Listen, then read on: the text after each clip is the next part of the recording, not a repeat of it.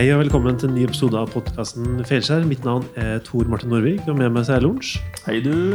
Hvordan går det? Jo, det går fint. Har du lyst til å beskrive litt det her rommet som vi sitter i? eller? Oi, akkurat nå så sitter vi og ser på Nils Arne Eggen, ser jeg.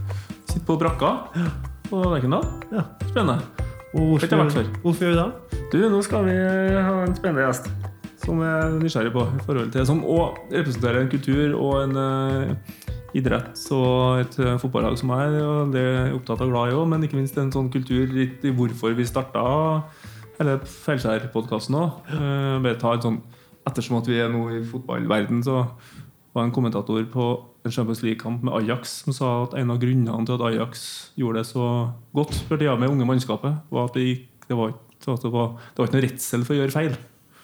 Og det handler jo litt om i forhold til det vi har overførbart over til næringslivet osv. Myang og dem vi har prata med, at holdninga og redselen for å gjøre feil kan være begrensende noen ganger. Så du kan få introdusere hvem vi skal snakke med. Ja, i dag så er det Pål André Helland. Eh, Så alle som har liksom fulgt med fotball, og i hvert fall eh, fulgt med Rosenborg, tror jeg godt vet eh, hvem det er. Han har jo fire seriemesterskap og tre cupmesterskap med Rosenborg, så han, han er nok en av eh, de bedre. Og jeg tror det som blir gøy å prate med han, er jo eh, hvordan, hvordan man eh, lever med det å skal levere på et høyt nivå. Og hvordan du takler de dagene hvor du egentlig gjør en dårlig jobb, rett og slett. Fordi det her, det her er jo en toppidrettsutøver, og det tror jeg blir et ganske interessant perspektiv. Gøy. Gleder meg. Skal vi sette i gang? Supert.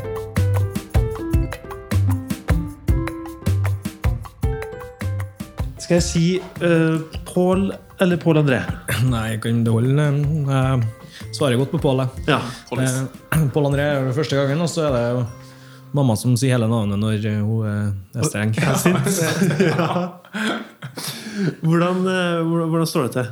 Nei, det, i det store og hele så er det ikke så mye man kan klage på. Man, hvis man klarer å ta et steg tilbake og få litt perspektiv på så har man hobbyen sin som jobb. Man har en fin familie, og man har et eget hus. Og har ikke tippa 30 ennå, så klag altfor mye. Det skal jeg ikke. Men eh, det er helt klart at eh, det som skjer på jobb, eh, spesielt i år, det, det preger en jo litt. Eh, vi får ikke, vi får ikke helt til sånn som jeg vil, og jeg får ikke spille så mye som jeg vil. Så øh, det, det er tøffe tak, skal jeg si, men det, det er en del av jobben.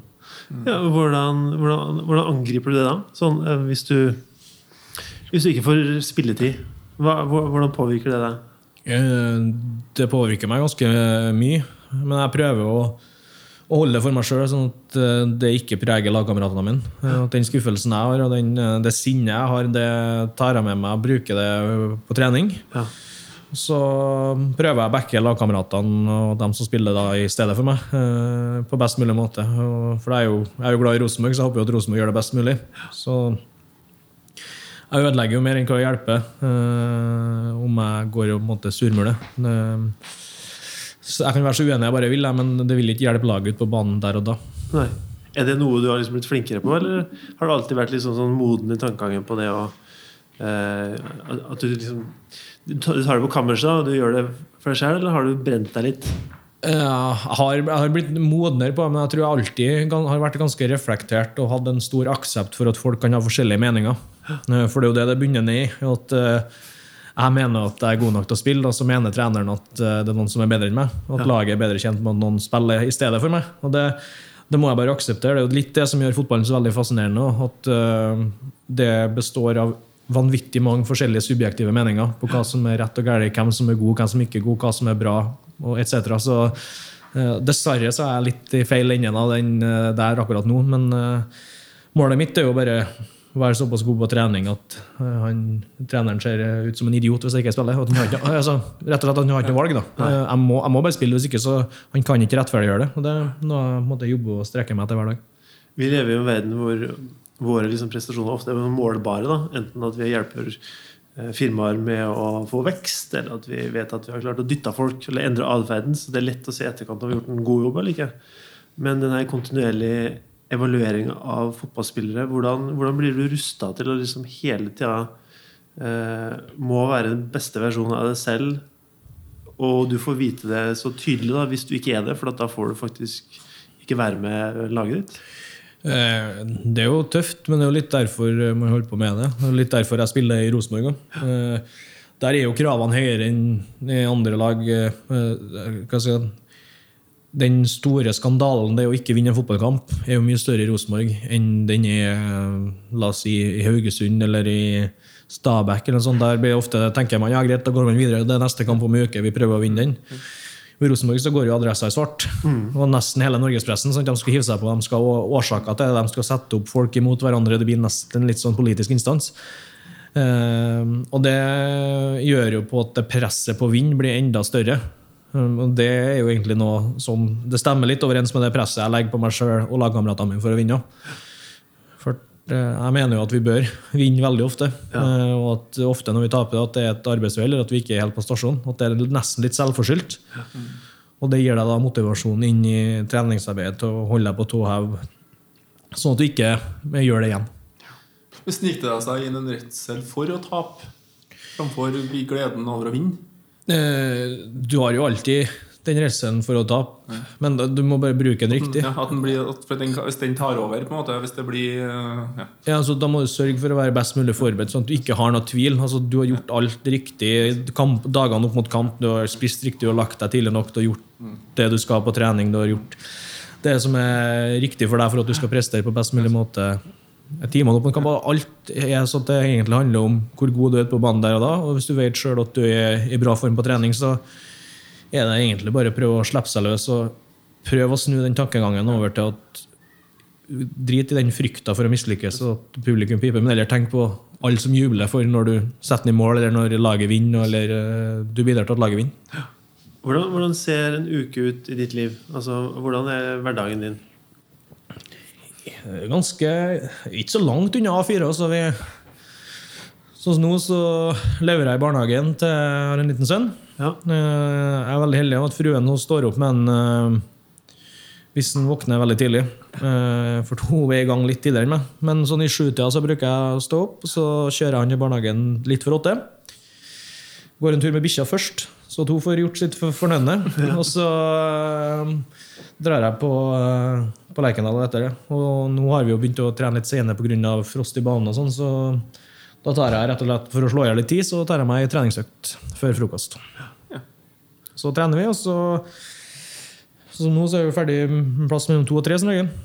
Drar hjem en liten time før jeg henter i barnehagen, og så man, eh, prøver man å fungere som eh, pappa da, fram til ja, sju eller åtte. Da er legging, og så da ligger jeg med beina høyt resten av dagen. Altså, da, Så er du fri. ja, da er det fri. Da ser jeg fotball, og da er det litt me-time. rett og slett. Da er jeg litt egoistisk. Hva er det med jobben her som du liker så godt? Det å få lov til å spille for Rosenborg. Hva hva er oppsida? Oppsida er jo at det er favorittklubben min. Eh, Jeg får eh, ganske godt betalt for å drive med hobbyen min. Eh, Jeg får trent gjennom jobben min, så jeg er i bra helsemessig i, godt, ja. i, i bra form. Gode HMS Eh, altså, eh, det jo det at altså, det betyr veldig mye for meg. Da. At jeg, jeg er jo, spiller for Rosenborg både som den profesjonelle tilnærminga med at det er jobben min, og at jeg er som en supporter. Jeg har jo drev jo og kjørt inn til Lerkendal og så både eliteseriekamper og Champions League-kamper da jeg var ung. Eh, Hvor du kommer fra? Jeg kommer fra Hemne. Hemne, kommer du. Riktig. Så det var jo før de bygde om veien, og så det tok jo fort en og en halv til to timer. Nå, nå fiser det jo over på 19 timer, liksom, men Så da Det har vært Rosenborg jeg har fulgt hele livet, så det betyr veldig mye for meg at laget gjør det bra. da. Eh, Og det vel oppsida, men også det som er nedsida. At uh, jeg kjenner veldig på det når uh, laget er dårlig, hvis jeg og jeg er dårlig, liksom da da, altså det, det preger meg litt. Hvordan, hvordan er det i garderoben eh, enten, ja, etter en kamp, da, hvor man har spilt dårlig? Er man da flinke til å gi hva si, tilbakemeldinger og rom for at det er lov å gjøre feil, eller er det mye kjefting? Og, og De første sånn til pause og etter kampen, første fem-ti minuttene, så er egentlig folk litt utilregnelige. Eh, man har såpass mye adrenalin. Eh, da må det være litt tak i det for at du kan bli skjelt ut for at du ikke har gjort jobben din, eller at du ikke har spilt til lagkameraten din, etc. Så når det får roa seg ned, så må folk begynne å bli litt mer konstruktive i, tilbakemeldingene. Så det, alle kan ha en dårlig dag. eh, Alle kan mislykkes med det tekniske. eh, Så lenge man eh, måtte gjøre den grovjobben som altså, Du springer dine meter og, og kriger og alt det der, så kan folk til og med liksom Lionel Messi, som er kanskje tidenes fotballspiller, og som på et helt helt annet nivå enn hva vi opererer med daglig, han også kan ha dårlige fotballkamper. Mm. Se eksempelvis mot semifinalen i Champions League mot Liverpool på, på Anfield, så så ikke noe mye til han. Eh, Og hele Argentina i VM var jo bort. ja, eh, og det får du litt som perspektiv på, så er det lettere å akseptere. Og du ser at til og med sånne spillere kan det, men det preger deg der og da. Men det er den der at hvis folk eh, setter seg sjøl over laget, la oss si hvis det er to stykker som kommer alene med keeperen, og så prøver han ene å skyte i stedet for å sentre til kompisen som har åpent mål. Jesus mot eh, Manchester City i helga. Ja, ja da, altså, da kan du bli spikra opp. Da kan det nesten være antydning til at du, du, du kan bli fysisk med. Leve ball til De Bruyne. Ja. Åpent mål. Og det, det er vel da at det kan virkelig gå i kulevarmt hvis folk føler at noen setter seg sjøl over laget.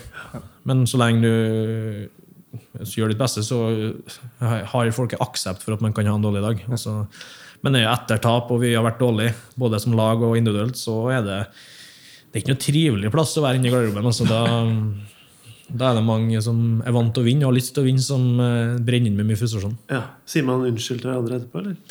Ja, men jeg tror de fleste, i hvert fall vi som har vært her en stund, vi har den der eh, med at vi vet at hvis vi skjeller ut hverandre, så går det fint. Det er jo ofte dem Man sier ofte at man skal slåss på treningen liksom et par ganger i året for at, liksom, at da viser at man ligger og vipper på den der knivseggen. Ja. Og eh, dem jeg stort sett fyker sammen med, jo dem jeg har spilt med. Lengst typ to år, og- men vi vet at med en gang vi treninga er over, så high fiver vi, og så flirer vi av det. Og begge mener kun godt. Og så at det er kun det for at du er så inne i situasjonene på trening at eh, man kan mm, måte rase sammen. Men husker du første gangen når du liksom møtte den her eh, garderobekjeften? Altså Før du ble liksom vant med at ok, det er sånn det er? ja. Ble det litt sånn kalders første gangen? At man får litt sånn sjokk? Uh, ja, jeg var, var ganske heldig med at jeg var hele oppveksten så var jeg jo eh, som barnestjerne, så jeg var mye bedre enn. Når du er så ung, så blir det veldig synlig mye bedre. Da er det sånn, Selv om du har en dårlig dag, så er du fortsatt best på laget. Eh, Men det var kanskje første gangen jeg begynte å, å trene med A-laget til Klemne. At det begynte å smelle litt. Hvor gammel var du da? Jeg begynte å trene 14-15 år, vil jeg tro. Og at du møter voksne seniorspillere med hår på kassa som ikke syns det er kult hvis uh, lille yplingen kommer og dribler dem, og litt frampå i kjeften i tillegg. Så at du da blir, du blir sparka ned, At de tar seg ikke for å liksom konfirmere deg litt. da. Og at uh, de da kan skjelle deg ut, da, men så er opplevelsen min stort sett hvert fall at folk er veldig har, eh, Med dem jeg har spilt med, har vært veldig flinke til å komme og liksom, legge hånda rundt deg og så si at eh, det er egentlig et kompliment at vi driver og sparker henne. Liksom. Det, det gjør ikke vi med hvem som helst. Det, det, det er vondt for oss at det kommer en jypling og dribler oss, og så er det bra for deg å bli tøffere. Altså, så Ja, altså, jeg hører at Du kaller det for konfirmasjon også. Det er en, en sånn, noe du skal gjennom. på en måte Ja, for da har jeg jo ikke opplevd det. Da jeg var yngre, da var jeg jo tidlig ganske stor i vekst. da. Eh, Så hvis det var noen som sparka noen, så var det stort sett meg. Som da var frustrert over eh, at jeg ikke strakk til eh, ut ifra egne forventninger og tok det ut på å spenne noen. Men når du kommer opp etter hvert, du blir en tøffere tone, og du må på en måte lære deg å stå opp for deg sjøl på en helt annen måte. Det, det er tøft. Og så Første gangen jeg virkelig opplevde det, var da jeg begynte å trene med A-laget til Rosenborg. For da opplevde jeg at jeg ikke bare yngst, men da var jeg jo dårligst. Ja. Eh, Ja, for Det er et sånt spennende møte. Når, når var det du begynte å spille med jevnaldringer, jevngode? Og, og kanskje litt det samme nivået på aldersmessig òg, da. Ja, jeg var jo da Kilemne rykka opp til andrevisjon i 2006. Så var det jo Da var jeg jo ikke eh, Jeg var ikke sånn klart best i hver kamp vi spilte, men jeg var, Yngre, yngre. jeg var mye yngre enn resten. Vi hadde noen som var Vegard Forhjem, som spiller i Molde. jeg var to år eldre enn meg. Så vi var blant de yngste på laget, men eh, fortsatt så, sånn ferdighetsmessig så var jeg jo blant de klart beste. Ja. Og så gikk det til Rosenborg, og der jeg var jeg jo blant de eh, bedre i hele juniortilværelsen. Og det var først da jeg kom opp og begynte å trene med A-laget, sånn i ja, 2007-2008, at eh, jeg merka at det var helt annet sting og tempo enn hva, hva jeg vant til. Vi har jo snakka med noen som syns at det er sånn merkelappetalent er litt vanskelig, for det bygger så utrolig stor forventning til hva hun skal prestere. Har, har, du liksom kjent noe på det? Egentlig ikke. For, for meg så har det vært ganske naturlig hele veien. Det har vært fotball jeg ville holdt på med. Og jeg har eh, altså Sett opp mot eh, der jeg vokste opp, da, så har jeg vært den beste rundt alderskullene mine. Og det var liksom naturlig. I friminuttene på barneskolen så var det sånn meg mot resten. Det sånn. så det, det, jeg tror på en måte det har vært en forståelse både eh, til meg sjøl og blant ja. alle andre at fotball det er jeg ganske god til. Men Ble du liksom omtalt som talentet og sto det liksom i lokalavisa at nå, nå, skal han ut og spille? og Var det sånn at folk liksom bygde deg opp? da? Ja. ja. Det var jo det jeg ser tilbake på ettertid. men jeg tror aldri det oversteg mine forventninger til meg sjøl. Sånn det var, var ikke sånn at jeg følte ekstra på at uh, nå ligger forventningene til meg på et nivå som jeg ikke kan nå eller ikke kan strekke det på.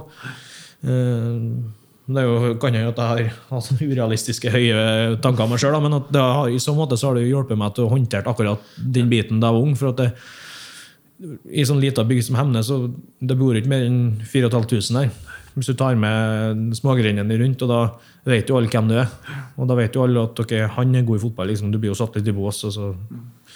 han er god til å kjøre bil, så sånne ting. Eh, så jeg var jo en fotballspiller, det har jeg alltid vært. Men jeg har jo, jeg har jo på en måte omfavna det. Det har vært litt naturlig for meg å, å være det. Jeg så en TV 2 tror jeg, som har en dokumentserie som heter 'Våre neste menn'. Som er gutte 15-landslaget. Jeg er ganske sånn overraska over hvor altså, hvor, de har, hvor dedikert altså, Det er ikke noe altså, De skal bli fotballspillere. Og de anhengende. Ja. Så det er ikke noe, sånn, det er ikke noe press. Det er ingen som har pressa dem til å legge det presset på seg sjøl. De har det, det er det de skal bli. Altså, jeg synes Det var liksom spennende å se på hvordan ja, sjølpålagte presset. da Ja, jeg, Sånn var jeg da på, gikk på barneskolen. Og så starta bare når du skulle skrive. Ja. Skrive sånn historier eller fortellinger. Så skriver folk at de vil bli brannmenn, eller eh, hva du skal bli når du blir stor. da. Og Da skrev jeg alltid at jeg skal bli fotballproff. Så skrev liksom fabler rundt det og dikta opp historier med at du vinner ditt og datt og spiller det her og der. Så læreren der sa at du må prøve å skrive et ordentlig yrke. Liksom. Det, der, men det der, er ikke så, det der er ikke så oppnåelig. Og da blir det jo mer sånn at jeg skal faen meg vise deg. Ja, og særlig. Yes. Ja, så um, det gjorde jo, det, det var ikke akkurat det, men det er bare å si at jeg har vært ganske bestemt på at jeg skal bli fotballspiller fra veldig ung alder. Og det, jeg, sto jeg sprang jo meg og trente jo før jeg dro på skolen. Når jeg gikk i sånn sjuende, åttende Jeg klarte å lure eh, skolen til å opprette ei fotballinje på ungdomsskolen. Jeg fant et smutthull i at det var et, Idet du begynner på ungdomsskolen, så skal du egentlig velge tilleggsfag. Ja. Eh, der fleste velger fransk eller spansk ja. eller eh, engelsk fordypning eller eh, noe sånt. Og så har du, for dem som ikke er så skoleflinke, så var det noe som heter PPA, praktisk prosjektarbeid. Og så kunne du velge hva du ville holde på med. så Du kunne eh, spesialisere deg innenfor et felt på prosjektarbeid. Da. Mm. Og da klarte jeg å lure med meg nok kompiser til at vi ville prosjektarbeidet vårt var fotball. Så vi rett og slett fikk ekstra treningstimer i skoletida. Og de hadde ikke noe hjemmel til å nekte oss det. Så det ble det kun i 90-kullet der gikk, ble det oppretta en fotballklasse gjennom hele, hele ungdomsskolen.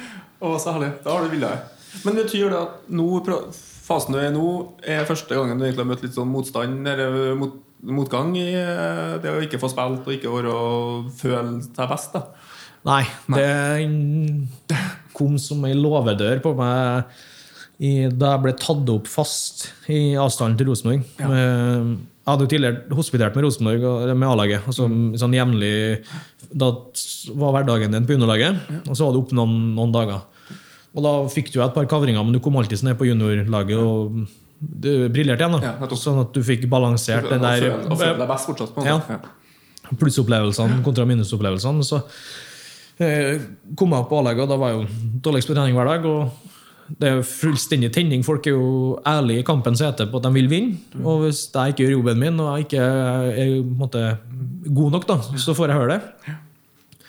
Og det slet jeg litt med. Men Sånn når jeg har blitt mer eh, Med tida, der jeg har blitt mer voksen og mer reflektert sjøl, det som jeg oppfatta som liksom spydig kjeft fra voksne spillere som Roar Strand, Christer Basma, Bjørn Tore Kvarme og guttene som egentlig var på meg, de, de, så, de, så, hva som bodde i meg, så de ville meg bare det beste. Og prøve å liksom pushe meg, for da, for da var ikke jeg profesjonell nok som fotballspiller at jeg, jeg trente ufattelig mye, men fortsatt så var det på den tida at det var kult å være med kompiser. Man var våken litt lenger enn hva man burde. Man eh, spilte Fifa om natta, man spilte litt poker, eh, man så filmer. Så, så jeg var både kompis og fotballspiller. Og Ja. Da vi møttes til frokost her halv ni, så kan det være at jeg har vært sammen med kompisene klokka tre på natta. Og i lengden så tapper det deg for energi. Og så bodde jeg alene på hybel i Trondheim. Hvor gammel Eh, var du? Jeg flytta til Trondheim da jeg var 16. Ja. Det var noen hverdag som er mhm. og så da blir det etter hvert så begynte du å tjene litt mer penger enn vanlig, så kunne du liksom unne deg, og det var jævlig lett å dra bort på pizzasjappa og kjøpe seg pizza til middag. Og det er jo greit en gang iblant, liksom, men det er ikke noe du bør ha i deg hver dag. I hvert fall ikke når du skal prøve å fungere som toppidrettsutøver. Så at den hele pakken der, det, den strevde jeg litt med. Og så, samtidig så var jeg veldig god i Fifa. Så da for å prøve å balansere en del negative opplevelsene jeg følte jeg fikk på trening, så spilte jeg mye Fifa, for at der var jeg best. Hente bekreftelsene. Ja, Ja. men det sørga for at jeg ble sittende og spille Fifa. Det, så jeg var jo en periode blant eh, sånn topp tre i landet eh, online på hva blir det, Fifa Fifa 16 eller ja, 16-17, ja. Hvis du ja. er 90, ja. Men der er det før e-sport, er det ikke det? 16 Fifa 06 ble det sikkert. Fifa 06, ja. ja. 06, selvfølgelig. Så lenge siden. Gud bedre meg. Men da, og det gjorde jo at da fikk jeg Nedturen ble lånt ut til Ranheim, og fortsatt litt i den samme stimen der. Da var Ranheim med i første. Nei, de var med, så jeg var med, fikk egentlig litt sånn positiv, for det, um, med litt flyt. Og så ble Michael Jamfall skada, så jeg spilte eh, så å si kampene etter at jeg kom til Ranheim da de var i andrevisjon. Ja. Rykka opp med dem. Og så det året i Obos-ligaen der, så var jeg ikke særlig flink. Så da ble vi enige med å avbryte utlånet rundt eh, sommeren. Ja. Og da havna jeg i sånn to måneders karantene for at sesongen det var noe med overgangsvindu og alt det der. Så da virkelig, da begynte jeg å ta tak i meg sjøl at eh, Men var du da på en måte erklært som ikke god nok for Obos, da? Ja. Ja, det. Og det er en som skulle egentlig bli toppspiller i ja, altså samtidig har sett skjedd for seg at idet jeg dro til Ranheim, så skulle jeg rett inn og herje. Nettopp. Og så bare for å vise Rosenborg-gjengen at hent meg Ja. Sitte og vente på at du skal komme tilbake. Ja. Så Så motsatt så fikk enda en nedtur, på en måte. Uh, og det var veldig Men da jeg kom tilbake her, da, så trente jeg hver dag. Og så var pappa trener til Kilemne, og de trente på kveldstid tre ganger i uka i Trondheim. For at Ja. flesteparten av spillerne til Kilemne bodde Og da var ikke verre enn at jeg trente med Rosenborg på morgenen, og så ble jeg med på ettermiddagen med på kvelden og trente med Kilemne. Å, og så sykla jeg fra Heimdal, der jeg bodde, til Lerkendal hver dag og trente. Og så, da kom jeg meg i shape, og så var jeg egentlig bare tilfeldigheter på at det tok ett, nei, to år til. For at jeg, da ble jeg utlånt til Ranheim igjen påfølgende januar. Men så ødela jeg kneet, så jeg var ute fram til midten av mai. Og da måtte jeg ha kamptrening, så det endte opp med at jeg gikk ned til Byåsen for å spille. Og så derfra egentlig så har det gått bare, Det var i Byåsen, da. Ja, stemmer. ja, så har det gått bare bang, bang, bang Men helt der hadde jo både du og sikkert mange som kan, altså, Karrieren din kunne ha vært ferdig Kunne ha slutta der. Hvis du ikke hadde slutta å spise pizza og ro på natta og Ja. Liksom, ja. Og det begynte jo å merke det sjøl, for da jeg gikk til Byåsen, så Først så tjener du mye mindre, du kan ikke leve av å spille i Byåsen. Så da måtte jeg jo Så Byåsen var fin å legge til rette. Så jeg fikk meg jobb på Krigsvoll på lager. Han som måtte litt spytte inn litt penger i Byåsen, Gisle Krigsvoll, lot meg jobbe der. Sånn eh, fra åtte til tolv, da. Sånn at det var nok til å supplere meg til at jeg kunne, kunne leve. Og så hadde jeg litt fleksis, jeg kunne jobbe litt ekstra hvis jeg på døde ville ha noen kroner. Problemet der var jo at det var sånn tremannsskift på å stable kassa og kjøre trykk. Jeg hadde ikke trykknappen, så jeg måtte stå og stable. Og da kunne det jo være uheldig med å få en container der det var dieselkompressorer. Liksom, og det er jo et par 80 kilo som du måtte stå og løfte. Så jeg var jo liksom dyktig sliten eh, da jeg dro på trening enkelte ettermiddager. Har du, har du kjent på ydmykelse? Eh, Bruker du det til å være liksom motor for drivkraft? Jeg følte meg litt ydmyka da, da Ranheim eh, Med trenerne og så, er helt riktig av dem, men, jeg ville avbryte utlandet med meg den første gangen. der. Eh, Da hadde jeg spilt venstreback av alle mulige posisjoner borte mot Malvik i cupen. Har blitt plukka av til pause. Med adressa dagen etterpå så har jeg én på børsen. Eh, Selv om jeg hadde målgivende på målet. Men akkurat da da, var, det taklet men da, da satte jeg meg i bilen og kjørte hjem. Så tror jeg litt den konsekvensen av at jeg gjorde det, ja, som gjorde at det ble avbrutt. Men da følte jeg meg ydmyka. Da følte jeg meg langt ned og tråkka på. og så nesten ikke en morgendag, for å si det eh, veldig mørkt. da. Men eh, det er jo bare én vei ut av det. Og så Jeg merka liksom gradvis at folk rundt meg har begynt å miste litt trua. Alltid de som har oppfatta meg og sett på meg som en veldig talentfull og god fotballspiller. Og at, liksom, at en helt naturlig konsekvens at livet mitt blir eh, peila inn mot det å bli en profesjonell fotballspiller. Begynte å tvile. Og der mamma hun kjenner meg såpass at hun, hun går litt på nåler rundt meg når, eh, når det går dårlig. Så begynte hun å liksom sånn forsiktig ymte frampå at uh, kanskje det var på tide å ta opp et fag eller to. Uh, og begynte å tenke på litt skole. For jeg har jo sagt at ja, skole kan jeg alltid gjøre. Det, men da har jeg ikke noe lyst til å gjøre akkurat nå. fordi at hvis jeg skal holde med fotball, så brenner jeg så mye for at jeg klarer ikke jeg å fokusere. Da kommer det til å tappe krefter. Skal jeg gjøre noe, så må jeg gå inn 100 og gjøre det ordentlig. Og når hun begynte å si det, så så hun litt på blikket mitt at den der, den der flammen da, som hun sier etterpå, den, den, var ikke, den har ikke dødd ut. Og så liksom at jeg ble forbanna nesten litt indignert av at hun bare i hele tatt kunne ta seg den friheten og foreslå det. Så da så hun liksom litt den der jævelen i meg som hadde skjedd tidligere. da, Som hun trodde kanskje var i ferd med å forsvinne i og med at det har vært såpass mye eh, nesetyvere over, over flere år. Men presterer du best egentlig når eh, ting er liksom vendt litt imot deg? Altså Hvis du skal spille mot et eh, bortelag, Molde, og de driver og, og supporterne deres driver og kauker et eller annet til deg, blir du da liksom, får du et ekstra gir da? Ja. Jeg må ærlig innrømme at jeg har brukt media litt sånn bevisst. på hvis jeg, Spesielt hvis jeg føler meg i bra slag. Så kan jeg fyre opp litt eh, motstanderen i kampen. Fyre opp litt eh, egne forventninger. Legge, si liksom at nå kommer jeg til å spille en god kamp. Han venstrebacken jeg møter, han, han kommer til å få et eh, helvete. Så Unnskyld uttrykket, men eh, eh, Men det er litt bevisst for at da vet jeg at fallhøyden min blir enda større. Og det vil gjøre at jeg er enda mer skjerpa. Inn mot Det er egentlig kjempeinteressant, for det er jo litt den kjernen vi snakker om. at eh, For noen, eh, hvis fallhøyden blir så stor, så tør de ikke. For at, de tør ikke å satse, og risikoen blir for større. Mens du gjør det faktisk med vilje, du. Og øker fallhøyden sånn at du må faktisk prestere. Hvordan, hvordan, hva skjer når du går i forkant og sier at nå skal du spille en uh, sjukt god kamp, og så er det en elendig kamp? Uh, Nei, da, da er det jo selvfølgelig veldig tungt.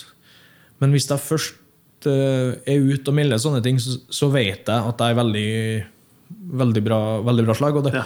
da kan det være ytre faktorer som gjør at uh, det ikke fungerer for meg den kampen. Problemet med å være kantspiller er at du kan ha verdens beste dag, og så fungerer ikke laget. Og da vil ikke du få ballen. Altså, jeg er jo en ganske begrensa fotballspiller. Jeg er fra vårt eget mål fram til altså 70 meter fram i banen, så jeg er veldig god på de siste 30 meterne. Det der er jeg god. Eh, Men da hvis jeg ikke får ballen der, og det er jo liksom en del av jobben sånn i Rosenborg i 4-3, så skal egentlig ikke jeg være så mye involvert før laget skal liksom frakte ballen fram til meg, og så skal, skal jeg skape det som er vanskeligst. Og hvis jeg ikke får muligheten til å gjøre det, så, så vil jeg jo se veldig anonym ut. Eh, og da kan du ha du kan sitte, Jeg har hatt kamper der jeg liksom bare føler bare gi meg ballen, så kommer det til å liksom Men jobben min er å stå høyt og bredt helt til laget klarer å frakte ballen fram, og så skal jeg stikke inn i bakrommet eller få ballen i beina og utfordre og drible og gjøre det der. Men, og da har du jo den der at du har gått av etter en kamp, og du føler liksom du føler litt snytt, da, for du, har en sånn, du kjenner virkelig på at nå er du i superform. Så har du vært borti ballen åtte ganger. Ja. Ja. Og så har du andre dager der laget kan bære deg. da. Eh, Der du, alt er tungt, altså det er ingenting som sitter. Men så funker laget så bra at du plutselig får to baller du kan bare trille inn i åpent mål. Og så blir du fremstilt som en helt i media. Sant? Men egentlig så ingenting har funka. Men laget har vært såpass bra at du, ballen detter ned i føttene på deg to ganger. Men sånn på dårlige dager Er det så klare arbeidsoppgaver da i et sånt lag at du, selv om du ikke klarer å gi det her magiske lille ekstra, så vet du i hvert fall hva- alltid hva du skal gjøre? Ja, i hvert fall det som kjennetegnet oss eh, på, eh, da vi var på det beste så etter at Kåre tok over. Ja. Spesielt de første to-tre årene der, så var alles roller veldig rigide, og du visste hva du kunne forvente. Og alle visste uh, hva, enkelt, hva liksom kravet var til hver enkelt rolle. Og da er det jo veldig lett for alle å liksom justere inn noen hvis noen som er i ferd med å dette utover. Eller for en innbytter som kommer inn fra benken. Han vet at ok, det kreves av meg når jeg spiller her. Eh, og det gjorde at jeg alltid visste at når jeg fikk ballen, så kom Jonas Svensson i hundre helvete rundt meg. Og så er egentlig jobben min å sørge for at eh, jeg slipper den på riktig tidspunkt. At jeg klarer å få backen til å sette ned feil fot, som gjør at Jonas får enda litt bedre tid til å slå innlegget, f.eks. Altså da, så vet spissen og motsatt kant som han skal på fremste stolpe, og spissen skal på bakstanga, så han kan begynne å forberede seg på det, for de, de kjenner igjen det som kommer til å skje. Og det er jo det som kjennetegner Rosenborg når det er på det beste. Og helt fra storhetstida under Nils Arne så var det veldig tydelige oppgaver. og folk var liksom, Man lå litt forut, eh, et par trekk foran, for man kjente igjen det man øvde på. Så visste man jo at ok, om to trekk nå så får, kommer han til å få ballen der, da skal jeg være der, så da må jeg begynne å liksom bevege meg inn i og så Det sliter motstanderen å fange opp, for at man blir veldig opptatt av spillet og ikke hva som skjer et par trekk fram i tid. Men det er ofte sånne diskusjoner og krangler som kan være i garderoben. da At du skulle jo vært der, du. Hvorfor gjorde du ikke som ja. Ja, og det er, jo, det er jo veldig enkle krangler å ta i garderoben. eh, For da, da er det liksom ikke noe tvil. Da, da har du ikke gjort det som kreves av deg. Problemet er jo hvis det blir litt mer flytende, og at folk sitter inn med kanskje alle føler at de har en litt sånn egen fasit på hva man bør gjøre, og så er det noen som føler at de gjør det riktig, og så er det noen som føler at det han gjør, igjen er feil. Og, da, og det er kanskje litt sånn det har skjedd ut de eh, siste par årene. at eh, liksom, Det er ikke viljen det står på når vi ikke vinner fotballkamper. Det er at nesten at det er for mye vilje. for Folk har så lyst til å ta tak i, men så gjør folk De gjør så mye rart at det er ingen som eh, skjønner. kjenner eh, Hvordan skal jeg agere? For nå gjøres det noe som ikke jeg vet hvordan jeg skal agere på. ja. Og da, når det blir utrygghet på det, så ja. For det er jo sånn som verdens beste lag òg. Da Guardiola, som er regna som verdens beste trener, han sier jo det Jeg leste boka til han, så sier han at jeg skal frakte ballen fram til siste tredjedelen av banen. Så skal de individuelle stjernene de skal briljere. Og da er det på en måte ferdighetene deres som skal gjøre at du skårer mål. Men det er liksom konseptet mitt som skal frakte ballen dit, og så får dere skinne. liksom. Ja.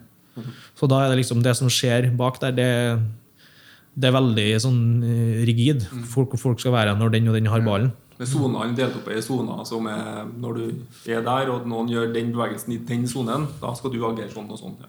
Kjempe... Og det er jo litt med det sikkert du kan dra den parallellen til arbeidslivet, at du, du får arbeidsoppgaver som du, som du behersker i trening. Og hele tida. Altså når du da kommer på eksamen eller et foredrag, eller når det virkelig skal levere under press, så er du så trygg på det eh, du skal gjøre, og det dem du jobber med, eh, eller eventuelt lagkameratene dine gjør, at du kjenner igjen hele veien. sånn at da blir du avslappa sjøl. For at du vet hva du kan forvente av andre, du vet hva andre forventer av deg. Og da er det egentlig bare å levere det som forventer deg. Og så kan det være altså, Alle kan ha dager der altså, du, kan, du kan være syk, og sånne ting. Det, det får du ikke gjort noe med, men akkurat det du kan gjøre noe med, det har du jobba så godt med på feltet at eller i hverdagen at uh, det gir deg en vanvittig trygghet. Og det synes jeg er enormt interessant koblinga opp med den Randi Næss-podkasten som har jobba for en Stoltenberg og så videre, som du sa nå, at den enkleste krangelen å ta er akkurat denne her. Og det er jo det som vi snakka om tilbakemeldingskulturen på en måte, til hverandre. Så lenge at den har- Det er mye enklere å gi tilbakemeldinger òg, når det handler om sånne enighet om sånn gjør vi det for å gjøre hverandre gode. Hvis én glipper, så er det lett å da gi en tilbakemelding. Mye enklere enn å gi tilbakemelding på at noen har gjort en innlysende feil som er perso altså, fordi at du, det er personlig valg som har blitt tatt, som er dårlig. på en måte. Ja, for noen grupper. Kan du huske den største feilen du har gjort da, på Rosenborg? Har du, har du en som har liksom brent seg igjen som eh, Å ja, det er jo mye. Men jeg husker en gang som irriterte meg veldig. Det var en periode i 2015 så hadde jeg strekt revene og muskler i magen. Så jeg drev og bedøvd for å klare å spille kamp. Så det er jo ikke særlig bra, men det er ikke noe farlig. Ja, men det tok vekk smerten nok til at jeg kunne spille. Men fortsatt så var det veldig vondt, og det stakk hver gang jeg skulle skyte med venstrebeinet. Og så på en vi Tromsø borte. Eh, Vi får eh, straffe på overtid. Det er 0-0. Det er 1-1. Og det er jeg som er straffeskytter. Og så er det liksom sånn Jeg vet Hvis jeg har fått måte, bare gått i garderoben, vært litt for meg sjøl, så vet jeg at jeg bør la noen andre ta straffen. Eh, For det er den der jeg visste at hver gang jeg skal ut, så stakk det. Og det, det gjør at du blir litt sånn reservert. Ja. Men så tok jeg straffen, og som en konsekvens av det så blir det en sånn veldig løs eh, Det blir ikke helt naturlig. Jeg har sett den opp igjen. Så at, da burde jeg liksom bare sagt fra at nå bør noen andre skyte. Men der og da så bobler det av adrenalin, og det, egentlig så er det sånne situasjoner som jeg elsker. Men pga. det her så ble jeg veldig passiv i den situasjonen. og det det hadde irritert meg litt i ettertid, for det har stort sett alltid vært ganske bra til å vurdere når jeg sjøl er bra og dårlig. Men akkurat der så ja, burde noen andre tatt straffen når vi har vunnet kampen. I stedet så tok jeg en, sendte vi en løs fillestraffe og bomma. Så jeg kan alltid akseptere å bomme på straffe, men da Du tok et dårlig valg der. ja, Der handler det litt om at jeg kjente egentlig innerst inne på at det her eh, For jeg hadde sagt det på enkelte frispark tidligere i kampen at noen andre kan slå inn og sånn, for at det var såpass vondt. da. Eh, og det, det irriterte meg. Det prega meg litt, faktisk. for det, det er sånn jeg, har, jeg bør klare spesielt i og med at jeg vet det. Ja. Ja, for da er det jo for laget så hadde det vært lurere hvis andre hadde gjort det. Ja. Er det flere da, kjempe på? Ja, det er jo så mange Dessverre det slår jo feilpasning hver kamp han spiller. Bommer på avslutninga. Men det er jo, du har gjort ting i, i livet generelt, i hverdagen.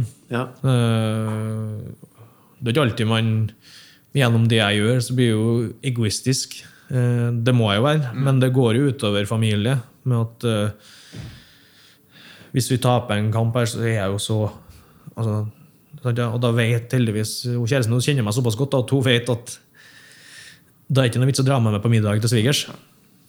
Men det er jo litt urettferdig overfor dem. Hvor lenge sitter de igjen?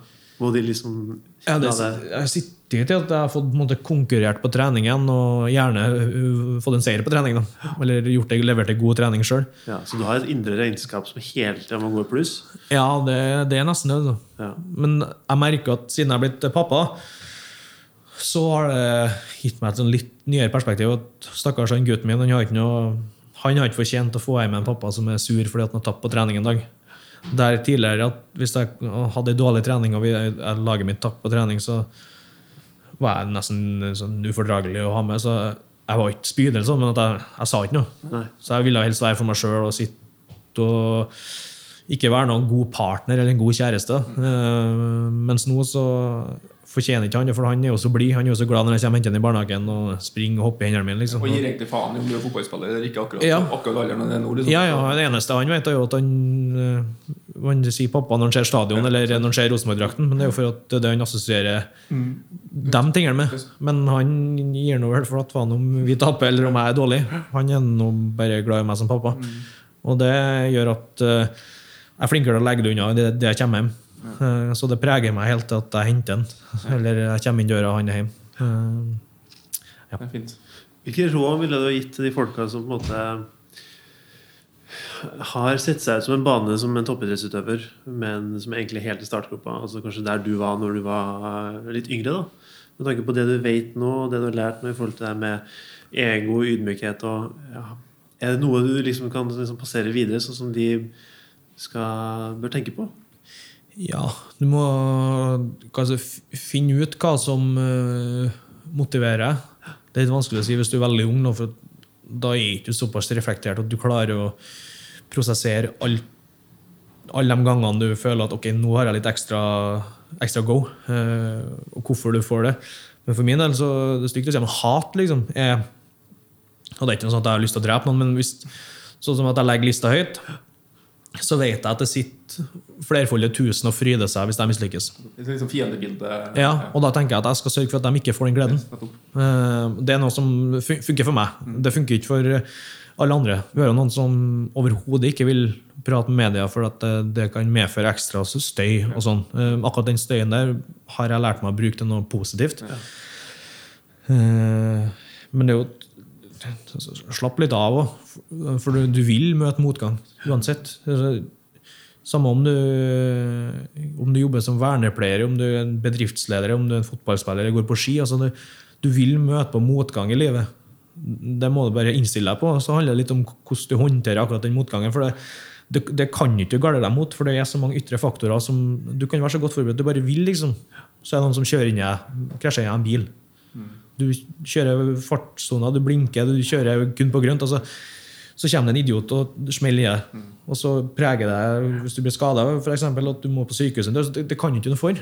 Og da vil du få den motgangen, både fysisk og, og mentalt. og det, Sånn er livet. Det er ganske skjørt. Men eh, eh, også litt fint, da. Den uforutsigbarheten med at eh, du kan ikke alltid spå utfallet av eh, en hverdag. Og det, det er litt derfor som, det som gjør at det er verdt å leve.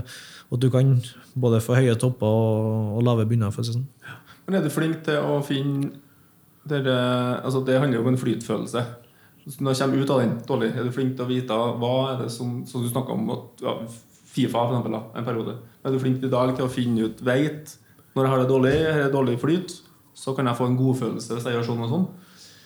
Ja, og så har jeg blitt øh, flinkere til å å ta de riktige valgene. Før så ble jeg veldig stressa hvis jeg gjorde en feil. La oss si på fotballbanen. Mm. Jeg gjorde en feil, så skulle jeg gjøre neste aksjon mm. litt vanskeligere for å kompensere for den feilen. Så det der, ja. du kommer til pluss. Yes. Eh, men det er jo ikke bra, for hvis du har en litt dårlig dag og du bommer på ei, vanlig pasning, så skal du prøve på et hælspark etterpå. Så gjør det enklere egentlig i stedet. Ja. ja, så det har lært meg litt hvis jeg bommer på et par driblinger i starten av en kamp, så kan jeg neste gang jeg får ballen, så kan jeg bare slå i støttepasning og så ta et bakromsløp, f.eks. For, eksempel, for at uh, det vil hjelpe laget, og så vil det gjøre kanskje at jeg kommer inn i rytmen igjen. At du ikke måtte stresse og at du blir krampaktig. Uh, ofte er det det for min del. Uh, når jeg ikke er helt i form, så ser det veldig krampaktig ut, for at jeg har så lyst til å Hvis jeg utfordrer og skal prøve å drible backen, så når jeg er i form, så flyter det så naturlig at svarene på hva jeg skal gjøre, de kommer liksom som et instinkt. Men når, når det ikke flyter, og du ikke er helt i dytten, så fører du nesten ingen for at de svarene kommer aldri. Du går og venter på hva kroppen skal gjøre, og så agerer ikke kroppen, så blir det at du krasjer inn eller detter over. Og sånne ting. Og det, eh, der har jeg blitt flinkere tror jeg, de siste årene til at du kan ta det ned og gjøre det litt enkelt. Og da eventuelt spille en litt mer anonym kamp, og så gjøre den grovjobben. Og så håpe at eh, det holder for lagets del. Ja. Det som er overførbart synes jeg, til bedriftsmessig og jobbmessig, og at har, kjenner, er du ikke i flyten i hvert fall identifisert også, Og til unge, unge spillere og idrettsutøvere. Finne ut, finn noen knagger og henge sånn som skaper en god, godfølelsen igjen. da mm. Så lenge at en veit Det vi snakka mye om i forhold til feilskjær, det er jo ikke noe, det er ikke noe feil Det, det er jo ikke noe farlig det å være i feil retning, eller være ute av form, eller være ta noen avgjørelser som er på vei mot noe, så lenge at du vet at du kommer deg ut av og kommer tilbake til en god følelse igjen. Det er når du blir hengende i den dårlige følelsen. Ja, det, er da problemet, det, er da det, det, er da det skjer et feilskjær eller en fuckup. Ja, men så er det jo sånn, Skal du jo ha utvikling, og så må du du balanserer på en knivseggen, så du må alltid bevege deg litt ut av den komfortsonen yes. for å oppleve at du mestrer det du ikke har klart tidligere. Og da vil du jo ikke alltid mestre. Du vil måtte oppleve at ok, det her strekker jeg til, det her strekker jeg til. Og så må du ta det tilbake til der du vet at du, du behersker. Og det er jo veldig overførbart til, til, jobb og næringsliv og alt mulig rart. Altså, det er ikke bare fotballbanen, eller idrett generelt. At du, du, skal drive og balansere på det som er litt over det som er fornuftig. Men altså, når du bikker over, da, så må du ta det tilbake til fornuften.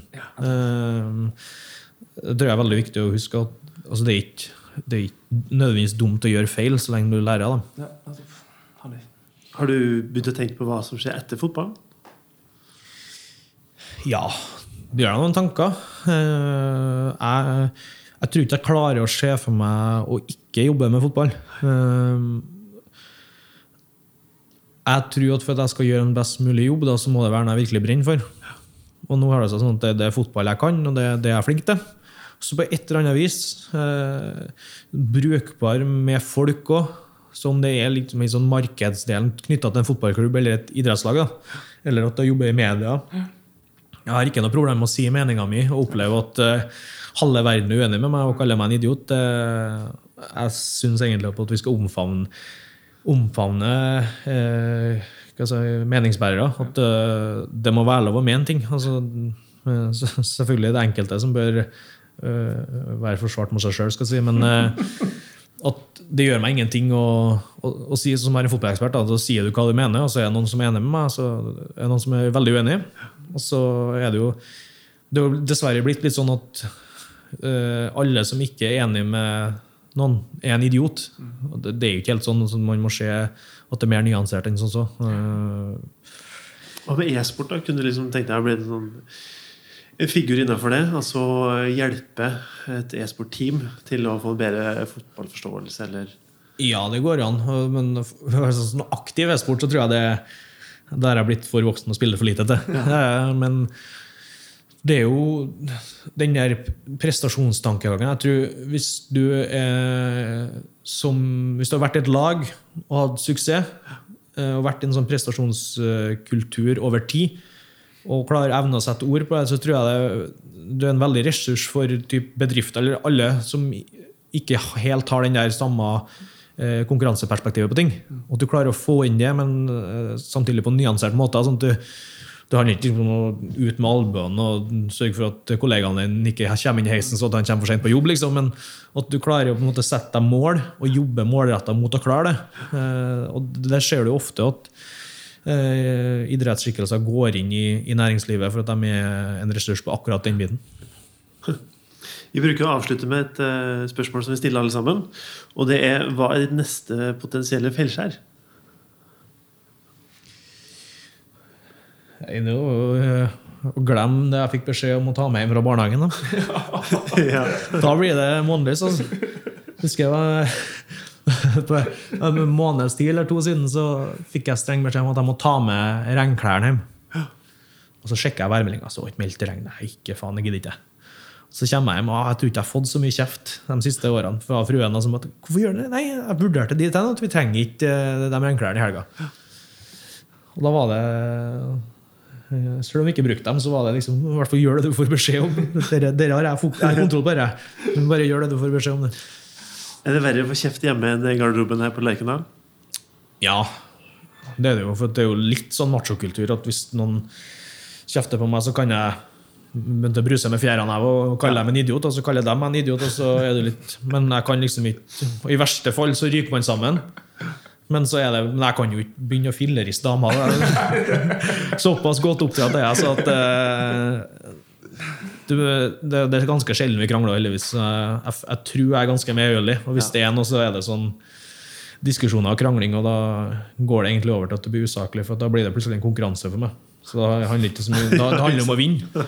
Så da jeg, kan jeg finne på å rette opp på språk, eksempel, og da fatter jo jeg som bare juling. Og da er jo hun litt utafor det hun egentlig diskuterer, så ender hun opp mot å tape. Ja. Men hun, hun vet jo av det, og det er ganske sjelden vi krangler. Ja. Ja, Lorentz, eh, har du lyst til å oppsummere hva vi sitter igjen med? Jeg prøver å ta litt sånn kort, men jeg syns dere med Det er veldig overførbart syns jeg, fra det med idretten eh, og toppidrett i forhold til mye det med takhøyde for tilbakemeldinger. Og jeg ser for meg å flua på veggen altså Det er snakk om ti minutter. At eh, elleve spillere pluss støtteapparat har nettopp gjennomført 45 minutter med det viktigste de vet. Og på ti minutter så skal det, skal det ryddes opp i noe eller gis tilbakemeldinger. Det ser jeg for meg ganske intenst. da Ja. Sånn, så det er da på en måte Men det fine med da, som da kan si fotballkamp da, fine med en pause er at det er en definert arena for hva, og definert på forhånd hva det skal brukes til. Og nettopp det å evaluere 45 minutter for å prestere på nytt 45 minutter igjen til. Så det å sette av tid og skape og rom for tilbakemeldinger gjør at det blir takhøyde. For at vi vet at det er sånn innre, det er, det er noe, og er i nuet. på en måte. Så synes jeg er en sånn overførbart eh, Og det at det er takhøyde etterpå for å si unnskyld. Og, og så er det nok en gang det at etter en tilbakemeldingskultur, at en vet at en skal møtes igjen på mandagen og trene på nytt igjen. Da har en muligheten til å skvære opp en del til å for, ja, at det er en, eh, ja. Så den syns jeg er en veldig sånn fin eh, Og så likte jeg det blir sånn personlig, da, men jeg er veldig opptatt av Jeg er nysgjerrig på barnestjernene rundt omkring på bygdene rundt omkring som har følt seg alltid best. Hva skjer med dem når den dagen de ikke er best lenger? Der tror jeg liksom, mye av våre talenter, både kanskje det er næringslivet òg, tror jeg mange av det Hvordan håndterer vi akkurat den overgangen?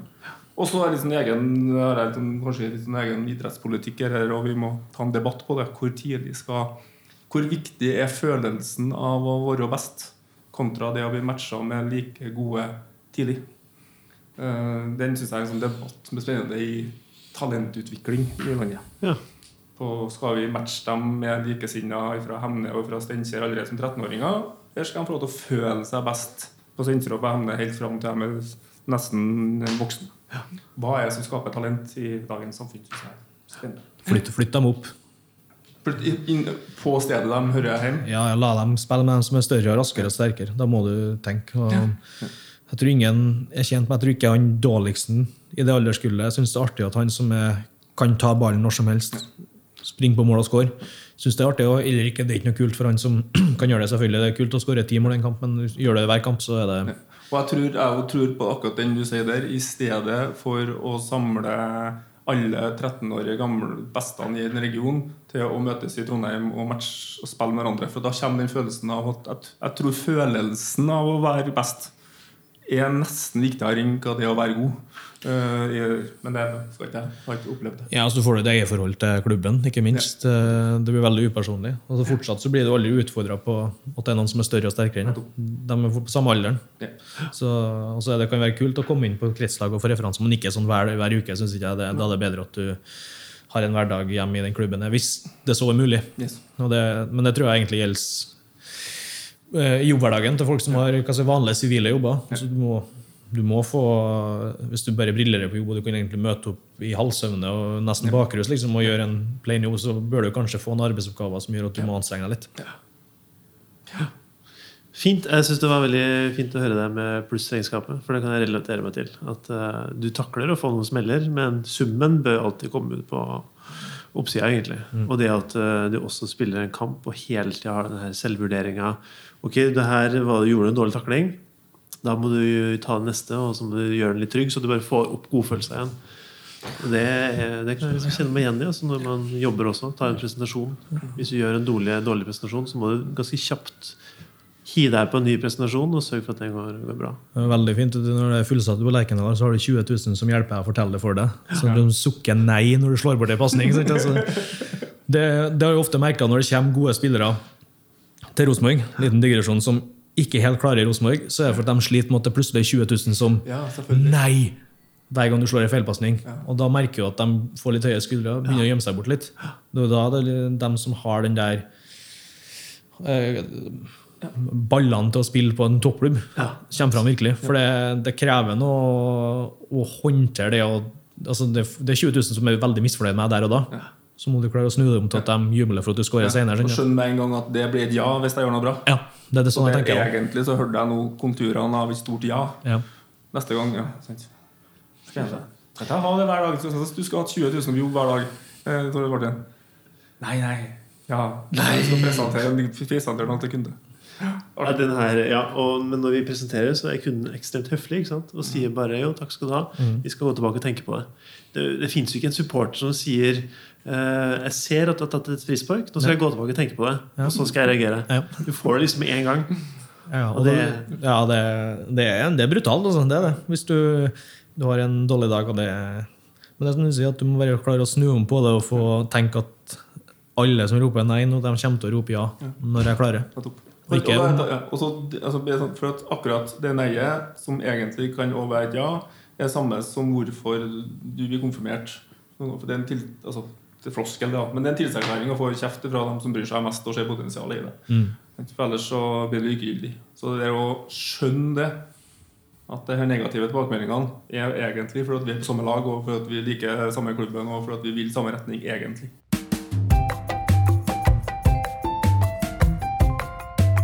Det har jo kommet noe som heter for en avskjedsgave, og da spør vi de vi snakker med, om eh, hva er det som har skjedd i løpet av de siste sju dagene. Så har på en måte gjort at eh, ja, livet har vært litt sånn enklere å leve. Om det har skjedd en positiv ting, enten om du har sett noe, eller spist noe, eller lest noe, eller gjort et eller annet som har gjort at eh, pulsen din har i hvert fall økt noe. da. Husker du husker du et eller annet?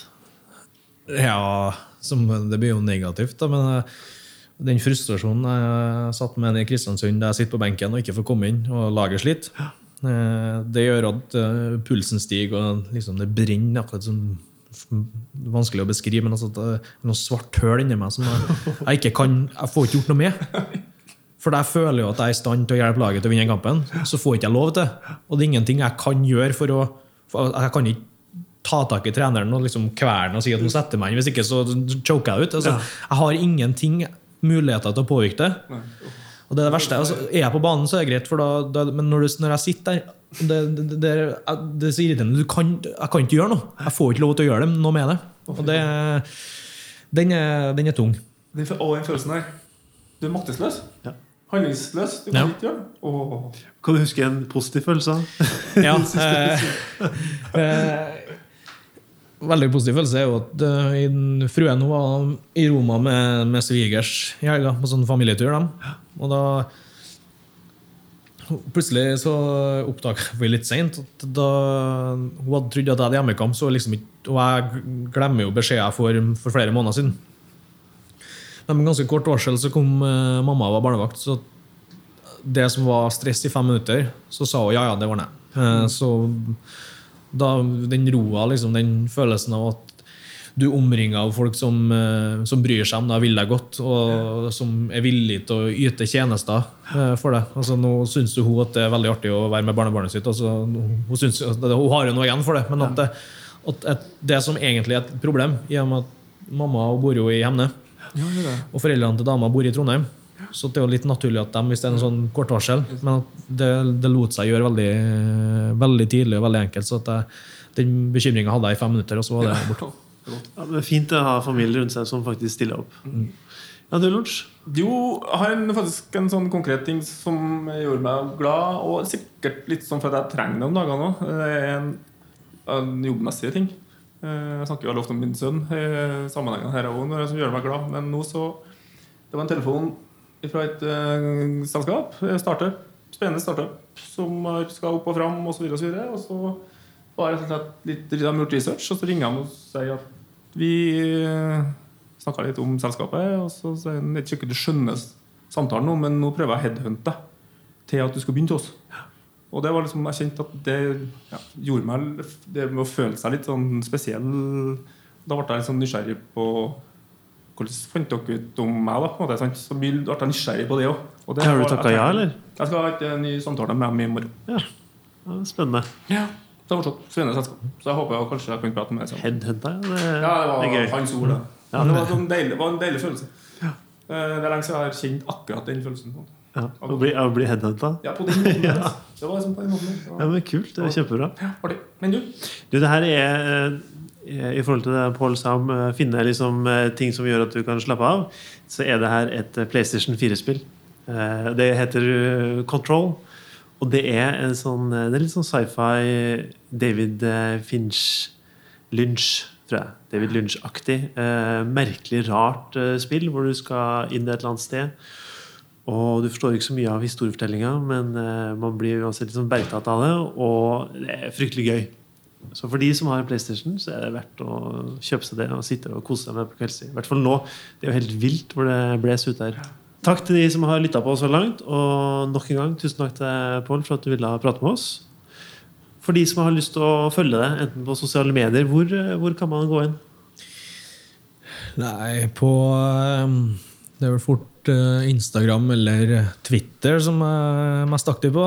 På Instagram så heter man vel at eh, PA Helland, tror jeg. Ja. Og så på Twitter så tror jeg jeg heter P Helland8. ja. Så um, inn her. Det er um, en liten innblikk i hverdagen min. Og så prøver jeg et lite sånn, enkelte ganger et lite humoristisk skråblikk på, på ting. Og jeg tar meg ikke sjøl så fryktelig høytidelig. Nei, det er kult. Skal skal jeg sette deg inn på fantasy-laget mitt? Ja, det, jeg, jeg, jeg sa det til, til trener i dag at ja, du vet nok hva du skal gjøre i helga mot Molde. Enten så spiller jeg, og så vinner vi, eller så spiller jeg ikke, og vi taper. Så ballen er hos deg. Så. Da kjører jeg den inn på fantasy-laget. Ja. Hvis de som hører på har en historie som de ønsker å dele med oss, eller kanskje de har noen tips til hvem vi burde prate med, ta kontakt med oss på feilskjær.uredd.no, eller så finner du oss også på Facebook og Instagram. Gi oss gjerne en eh, rating eller legg en kommentar der du hører på podkast, for det betyr mye for oss, og så blir vi synligere for de som er på jakt etter å finne oss. Podkasten her er produsert av Uredd og Lydsporet Media og kommer ut nå hver søndag. Takk for i dag. Ha det!